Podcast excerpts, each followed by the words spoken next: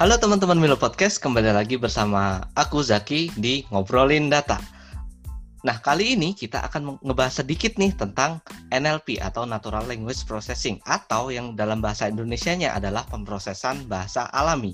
Nah, NLP sendiri merupakan salah satu cabang ilmu AI yang berfokus pada pengolahan bahasa natural Nah, bahasa natural itu adalah bahasa yang secara umum digunakan oleh manusia dalam berkomunikasi satu sama lain. Nah, bahasa yang diterima oleh komputer itu butuh diproses dan dipahami terlebih dahulu supaya mak maksud dari penggunanya bisa dipahami dengan baik oleh komputer. Nah, kali ini kita nggak bakal sendirian nih. Nah, kita akan ada uh, guest star. Oke, kita sambut aja uh, Damir. Halo Damir, apa kabar? Hai Kak Zaki, Alhamdulillah baik. Gimana kabarnya Kak Zaki nih? Alhamdulillah juga baik. Nah Damir, uh, kenalin dikit dong tentang kamu dan background kamu. Kamu kerja di mana? Atau kamu masih kuliah kah? Atau kamu apa? Dan uh, mungkin juga nanti aku bakal jelasin kenapa Damir di, kita undang ke sini ya. Gitu. Boleh, Sok mangga. Halo semuanya, semua yang pendengar di sini. Kita sebutnya apa sih? Kalau misalnya Milo aja. Oh iya, hai teman-teman Milo. Perkenalkan, nama aku Damirania Kiesati Desro. Aku kuliah di S1 Teknik Informatika Telkom tahun 2016 dan lulus tahun 2019. Cuma wisudanya 2020, kena corona. Oh iya. Jadi wisuda online. Jadi sebenarnya aku baru banget nih anak bawang, baru-baru bawa, baru banget anak bawang. Oh. Tuh Zaki. Berarti kemarin wisudanya ini dong online ya? Iyalah online, kepepet. Jadi Hamin 10 sebelum wisuda dibatalin karena keadaan darurat nasional gitu Kak Zaki. Oke. Okay. Oke, okay. uh, eh, back to the topic ya. Nah, um, kita kan mau ngomongin tentang NLP nih. Nah, mm-hmm. tapi uh, eh, NLP yang aku maksud di sini sebenarnya uh, tentang um, pengalaman Damir sendiri nih uh, di NLP itu seperti apa. Nah, kebetulan aku tahu juga karena uh, kita udah lama temenan nih. Nah, mm-hmm. si Damir ini itu um, uh, pas zaman kuliah itu sempet nih ngulik-ngulik tentang NLP. Nah, mungkin cocok juga buat teman-teman teman-teman Milo yang uh, baru mulai untuk mempelajari NLP. Nah, uh, aku pengen nanya nih ke Damir, uh, awal ten, uh, kenal NLP itu dari siapa sih? Dari mana gitu? Kenapa bisa nyemplung ke NLP gitu? Nah, jadi Kak Zaki dulu tuh kenapa aku bisa tahu NLP itu sebenarnya dari aku zaman ikut lab. Nah dulu tuh kalau di Telkom University itu uh, di khususnya di informatika lab-lab itu benar-benar di provide gitu dan semuanya dibagi berdasarkan ke fokus keahlian. Nah, zaman-zaman aku waktu semester 2 itu kan masih ambang nih mau ikut lab mana ya kira-kira gitu dan uh, lab AI atau artificial intelligence salah satu lab yang aku bener-bener pengen banget nih tujuan utama aku pengen banget masuk lab itu gitu dari target-target aku sebelumnya. Nah di lab AI itu uh, aku belajar mengenai AI pada saat itu tuh di lab AI itu ada dua fokusnya ada natural language processing sama computer vision. Nah, biasanya NLP sama CV itu kan diajarin sama kakak-kakak senior sebelumnya nih tentang sharing knowledge atau tentang apa sih CV itu, apa NLP tersebut gitu. Ya, seperti itulah semacamnya. Awalnya aku masih buyar banget tentang AI. Tuh aku masih semester 2 juga belum bisa apa-apa, kasarannya baru bisa ngoding algoritma dasar, Kak. Di situ aku mulai beberapa pemahaman terhadap CV. Nah, kalau CV itu biasanya image, video, musik gitu. Nah, terus pas minggu depannya ada tuh salah satu senior namanya Kak Hafi sama Kak Fami tuh ngejelasin tentang tugas akhirnya. Nah dari situ tuh aku mulai paham, oh ini NLP ya, wah keren banget dari teks itu bisa jadi suatu informasi nih gitu. Wah gitu ya. Oke, um, menurut kamu nih uh, yang hal yang paling menarik dari NLP itu apa sih? Paling Setelah kamu mendengar yang tadi yang dipresentasiin tentang NLP itu dari siapa Kak Hafi sama Kak Fahmi ya? Nah itu. Iya iya benar-benar. Jadi waktu itu yang paling menarik buat aku tuh sebenarnya kok bisa dari sebuah uh, klasifikasi hadis, ayat, bahkan berita pun bisa jadi suatu makna penting gitu atau kita bisa analisis oh ini tuh merupakan hadis tentang ini loh, ini tuh merupakan ayat tentang ini loh, ini tuh berita tentang ini loh. Jadi kan di mana suatu tulisan teks banyak aja kadang manusia perlu mencerna dan membaca dulu gitu kan. Tapi hmm. kita bisa loh ngebuat komputer tuh paham maksud dari teks ini tuh apa gitu loh. Jadi wah itu keren banget gitu loh. Iya benar-benar. Aku juga ngerasa itu tuh keren banget dulu uh, pas zaman-zaman nah. kuliah juga. Iya iya. Uh -uh. Uh, terus uh, pertanyaan selanjutnya nih Mir, susah nggak sih belajar NLP? Seberapa susah gitu belajar NLP itu? Um, susah pun mungkin enggak ya kayak mm, relatif sih susah. Kalau menurut aku pada awalnya pada awal misalnya ngerti dasar-dasar doang menurut aku agak sulit karena uh, NLP kan bukan bidang aku pada awalnya di mana dia juga ngoding. Aku basis dari SMA pindah ke kuliah yang full ngoding ya menurut aku mungkin agak adaptasi ya. Jadi kita nggak bisa bilang susah nggak bisa bilang gampang tergantung level seseorang gitu. Tapi kalau aku pribadi mungkin susah ya. Mungkin itu jam terbang aja yang ngebantu semakin banyak kasus. Bakal tahu nih jenis dan teks mana yang harus diproses itu seperti apa yang tepatnya. Terus tiap kasus NLP itu juga beda treatmentnya. Kan kita tahu NLP itu banyak banget fieldnya atau banyak banget bidangnya. Bisa ada question answer system, ada machine translation, ada summarization, ada speech record, ada document classification. Jadi itu benar-benar kita ya harus menyesuaikan dengan itu juga gitu. Kadang kita ngehnya kayak oh ini pasti semua satu case semua penyelesaiannya sama gitu tapi nggak kayak gitu gitu jadi menurut aku susah pun relatif ya kak. Karena kan kita baru gitu di dunia baru pasti banyak yang harus dipelajari. Gitu kak.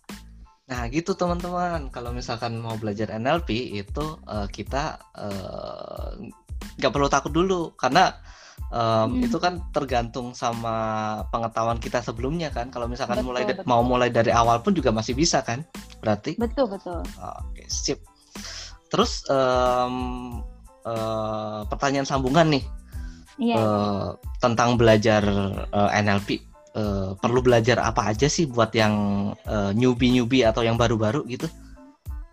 Wah, ini nih Kak Zaki bener-bener kayak ini sih uh, lebih kayak awal mulanya pribadi aku ya. Cuma hmm. kalau di dalam aku yang mungkin sebagai newbie, newbie banget versi aku tuh mungkin aku saranin belajar belajar banget tentang eksplorasi kak. Jadi maksudnya aku di sini eksplorasi mungkin belajarnya tentang oh data ini, bacaan ini, teks ini tuh maksudnya apa ya? Bahasanya tuh seperti apa ya gitu loh. Terus eh, makna dari kalimat ini apa gitu. Terus kayak makna dari kata ini apa? Karena kadang orang punya banyak perspektif yang berbeda-beda kak terhadap eksplorasi data dan itu bikin hasilnya juga kadang beda. Jadi menurut aku eksplorasi itu paling penting sih.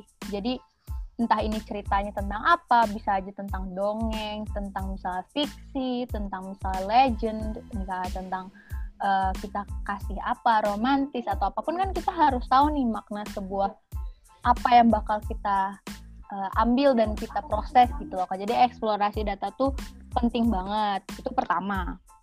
Terus untuk yang kedua, itu tuh menurut aku harus punya fondasi yang kuat nih terhadap algoritma string. Jadi kayak algoritma mana algoritma karakter yang kayak gimana sih um, ngubah suatu kalimat, kata, misalnya dari sebuah kata yang layaknya kita input atau kita masukkan komputer, menganalisanya seperti apa gitu loh kada. Terus selanjutnya nih karena udah belajar eksplorasi data mungkin itu ngikutin mekanisme pembersihan atau mekanisme bagaimana ngolah datanya, bagaimana eh, ngapus-ngapus data yang tidak penting itu mungkin berjalan seiring waktu. Yang penting dua tahap sebelumnya itu menurut aku udah harus nguasain banget gitu.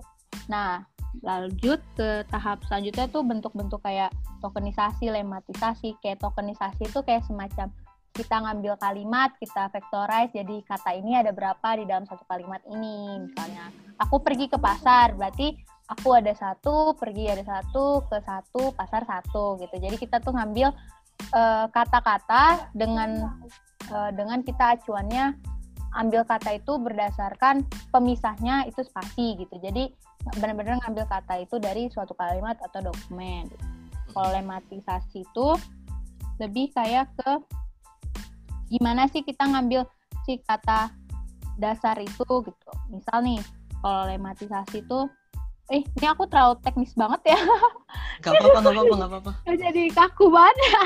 jadi uh, jadi buat teman-teman Milo mungkin nanti bakal nambah ini pengetahuan gitu Damir. Jadi nggak apa-apa. Oh iya iya iya. iya. Nah, kalau lematisasi itu kita ngambil kata dasar. Jadi kayak kata benar-benar kata dasar dari suatu uh, kata tersebut. Misalnya kalau di bahasa Inggris nih, kalau katanya itu was, kata awalnya was itu apa sih? To be gitu. Bisa is, bisa up M misalnya.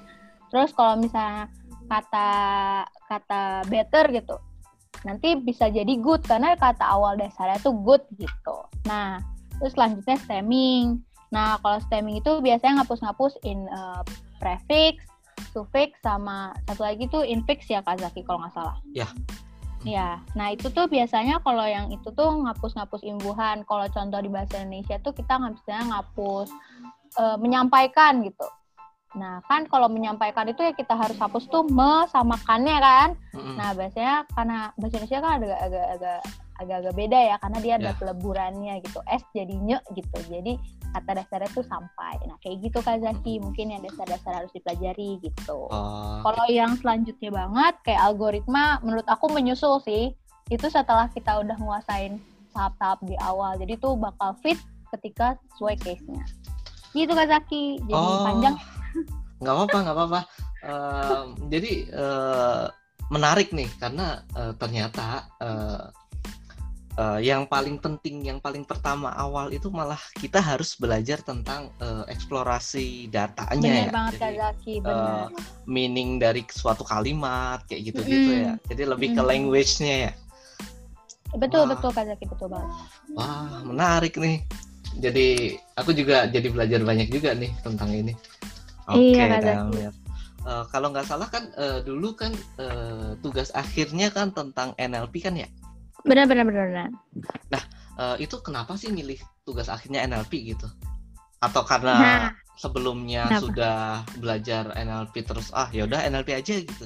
Atau kayak gimana? Enggak belum.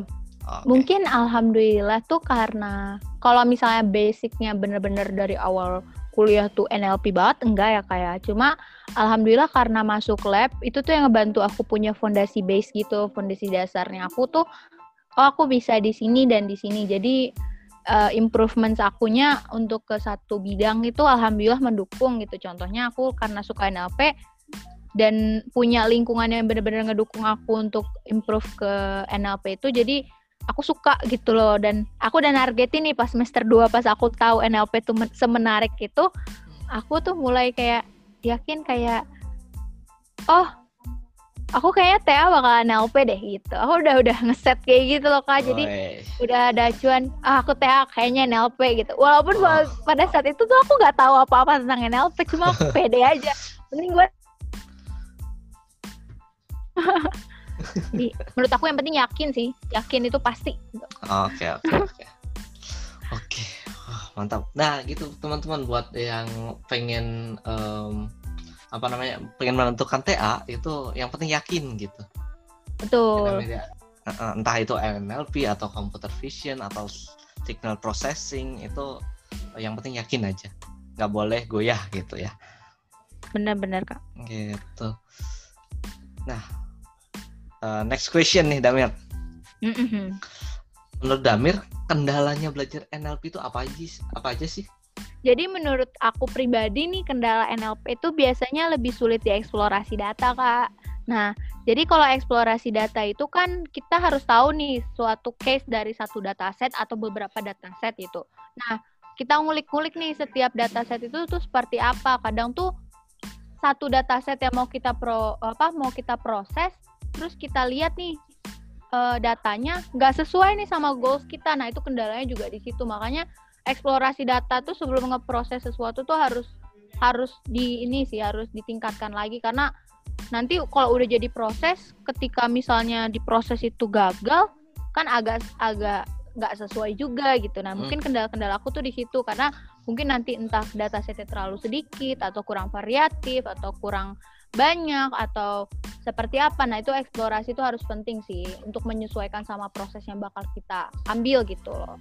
Nah, terus habis itu selanjutnya kendala di aku juga biasanya yang tadi juga harus makna setiap teks itu kita harus tahu makna dari sebuah kata di data tersebut tuh harus tahu karena penyampaian manusia dan sistem itu berbeda kak. Nah contoh nih kayak misalnya kita harus teliti nih kadang di di sistem tuh bilang uh, huruf kapital tuh beda dengan huruf yang tidak menggunakan kapital gitu. Padahal kan sebenarnya sama gitu loh maksud kita kan. Cuma nah itu harus yang dijadikan concern juga. Kita harus tahu makna terus ketika kayak maknanya juga kayak bahasa Inggris gitu. When itu kan bisa kapan. Mm-hmm. Nah, tapi di suatu teks beberapa teks kalau menjelaskan keterangan waktu tuh bilangnya when itu kan ketika. Jadi kita harus lebih lebih kayak harus be careful on that data juga gitu loh. Jadi karena beberapa tuh beda maknanya gitu. Oh, yeah. Nah, iya, iya. terus kita juga harus hati-hati karena setiap bahasa tuh perlakuannya berbeda. Kayak tadi aku juga udah bilang kalau lematisasi lematisasi atau stemming di bahasa Inggris dan bahasa Indonesia tuh beda. Jadi kita nggak bisa be, me, apa ya menyelesaikan masalah kedua masalah tersebut dengan cara yang sama. Jadi perlakuannya juga pasti harus beda. Gitu Kak Zaki. Oke oke oke. Oke, nyambung nih dari yang tadi yang uh, mm -hmm. apa uh, lematisasi yang bahasa Indonesia sama bahasa Inggris nih. Betul betul betul. Nah, bedanya NLP di bahasa Indo sama bahasa Inggris itu uh, apa sih seberapa besar sih Damir? Uh, ada pastinya ada dan kalau misalnya seberapa besar mungkin menurut aku lebih kayak ke riset dan library yang udah tersedia ya kayak ya. jadi kayak bahasa Inggris itu lebih udah lebih banyak orang yang developnya daripada bahasa Indonesia kalau kalau bahasa Indonesia kan sekarang tuh alhamdulillah apa namanya mahasiswa dan NLP NLP uh, apa saintis di Indonesia kan lagi ngedevelop keras-kerasnya dan banyak banget yang udah mendukung gitu banyak banget library-library yang udah mendukung tentang uh, riset-riset bahasa Indonesia jadi menurut hmm. aku berbedaannya tuh di situ ya kayak ya. jadi agak lebih lebih sulitnya tuh nggak lebih sulit sih mungkin karena perbedaan bahasa pasti treatmentnya berbeda gitu loh hmm. dan pendukungan untuk developmentnya juga berbeda pasti lebih cepat kita ngedevelop bahasa Inggris karena banyak riset terkait bahasa Inggris dibanding bahasa Indonesia. Jadi obstaclesnya di bahasa karena menurut aku makna dan penyelesaiannya pasti lebih berbeda, lema aja berbeda, stemming aja cara berbeda. Jadi bakal lebih di situ sih kak, lebih dari ngeproses datanya itu loh sebelum kita ngeksekusi ke algoritma selanjutnya gitu loh yang machine learning, uh, eh, AI-nya itu diproses uh, seleksinya, tadi di proses ekstraksinya, nah itu perbedaannya mungkin di situ. Oh gitu gitu. gitu. Jadi uh, lebih ke uh, pemrosesan awalnya ya? Iya, iya. Pemrosesan betul, awal kan. dari ba, ba, hmm, uh, kalimat tersebut atau bahasa betul, data betul, tersebut Kak. gitu. Ngambil datanya gitu gimana itu juga beda banget gitu kak. Oh gitu. Kalau misalkan udah selesai di apa pemrosesan datanya tersebut berarti selanjutnya uh, kemungkinan ini dong ya uh, bisa tidak, sama bisa sama ya Mm-mm, oh. karena kan kalau algoritma itu kan menyesuaikan dari ambil data sebelumnya kan kak ya misalnya mm contoh kayak gambar ketika kita sudah membersihkan sesuai dengan aturannya gimana vectorize seperti apa untuk menuju ke itu kan sistem bakal ngambil itu sama gitu ya. Gimana kita menyamakan persepsi kita dengan sistem. Nah, itu kan kadang itu tantangannya gitu loh, Kak. Iya, gitu. betul, betul. Hmm. Wah, mantap, Damir. Widih. Pengetahuan, eh, pengetahuan Damir itu eh, luas di NLP ya, lumayan. Sedikit, harus sedikit. Gak apa-apa lah. Uh, kan kita juga uh, belajar sama-sama belajar betul, ya. Betul betul kak. Uh, aku sama Kak Zaki ini masih belajar, gengs. Iya masih belajar. Nggak, aku juga dulu pas zaman kuliah juga nggak mendalami NLP, makanya aku uh, tertarik banget, interest banget buat ngomongin topik ini gitu kan. Iya. iya. Gitu. Nah, buat teman-teman yang masih pengen belajar NLP nih atau baru mulai belajar NLP, Damir ada saran nggak sih buat uh, teman-teman yang baru mulai gitu? Uh, sarannya sarannya sih menurut aku jangan takut. Harus tahu dicoba. Kalau kalian udah interest banget nih NLP nih kayak keren deh. Coba aja dulu coba nyemplung dulu biar tahu nih rasanya gimana gitu loh. Biar tahu nih rasa basahnya gimana ketika kita udah nyemplung gitu. Terus banyakin latihan dari berbeda kasus karena itu yang ngebuat kita lebih banyak tahu jenis problematika di tiap data itu untuk di, diolah selanjutnya seperti apa. Kuatin di eksplorasi data data data data data. Baru kita fokus ke uh, fondasi algoritma codingannya seperti apa. Yang kayak tadi string, kayak um, misalnya pembersihan data. Nah, untuk algoritma selanjutnya. Ketika kita udah punya base algoritma, insya Allah untuk yang algoritma machine learningnya, AI-nya itu uh, bisa mengikuti. Karena kita udah punya base baseline karena kita punya kekuatan basis di algoritma dasar. Kalau menurut aku seperti itu sih kak. Tuh. Oke oke wah sangat semoga uh, teman-teman di Milo uh, tercerahkan ya buat uh, ini buat gimana cara belajar NLP dari nol gitu kan. Iya. Gitu. Semoga semoga tercerahkan terus habis itu uh, konsisten di NLP dan uh, hopefully bisa uh, apa namanya um, uh, expert lah di bidang NLP gitu. Amin, amin, amin. Amin. amin. juga semoga uh, terus belajar NLP dan siap uh, uh, expert juga di bidangnya. Nanti mungkin kita amin. bisa bakal ngobrol lagi kali ya nanti amin, untuk amin, uh, lebih uh, untuk kasus-kasus yang lebih spesifik gitu mungkin. Oh iya, uh, satu pertanyaan lagi Damir. Apa-apa uh, nih? Apa nih? Uh, kasus NLP yang paling Damin suka itu yang kasus yang seperti apa gitu? Apakah uh, sentimen? Apakah uh, apa question answering? Uh, ka, mungkin ini karena relate-nya aku terjunnya di ini ya kak ya di mana di classifications ya aku suka nih classifications apalagi sentimen. Aku suka ngelihat makna orang nih di kalimat nih ngomongnya negatif gak ya positif gak ya? Karena kebetulan teh aku juga kayak gitu sih kak. Jadi agak-agak relate sih karena aku suka me mengetahui apa sih pendapat orang terhadap sesuatu atau bahkan tweet orang nih menandakan apa. Nah, aku suka banget nerjemahin itu karena tantangannya adalah kadang bisa aja nih Kazaki bilang ini tuh sebenarnya nggak nggak negatif loh Mir kalimatnya. Tapi menurut aku nih negatif banget gitu loh. Jadi itu tuh tantangannya tuh kayak yang serunya di situ. Tapi aku hmm. bakal kayaknya bakal ini deh ngulik-ngulik yang field field lain juga. Aku pengen banget ngulik ini kak. Pengen banget ngulik speech record nih. Kayak menarik banget. Wow. aku pengen banget bisa speech record nih. Mantap gitu, mantap. Kak doain ya. Ya, ya.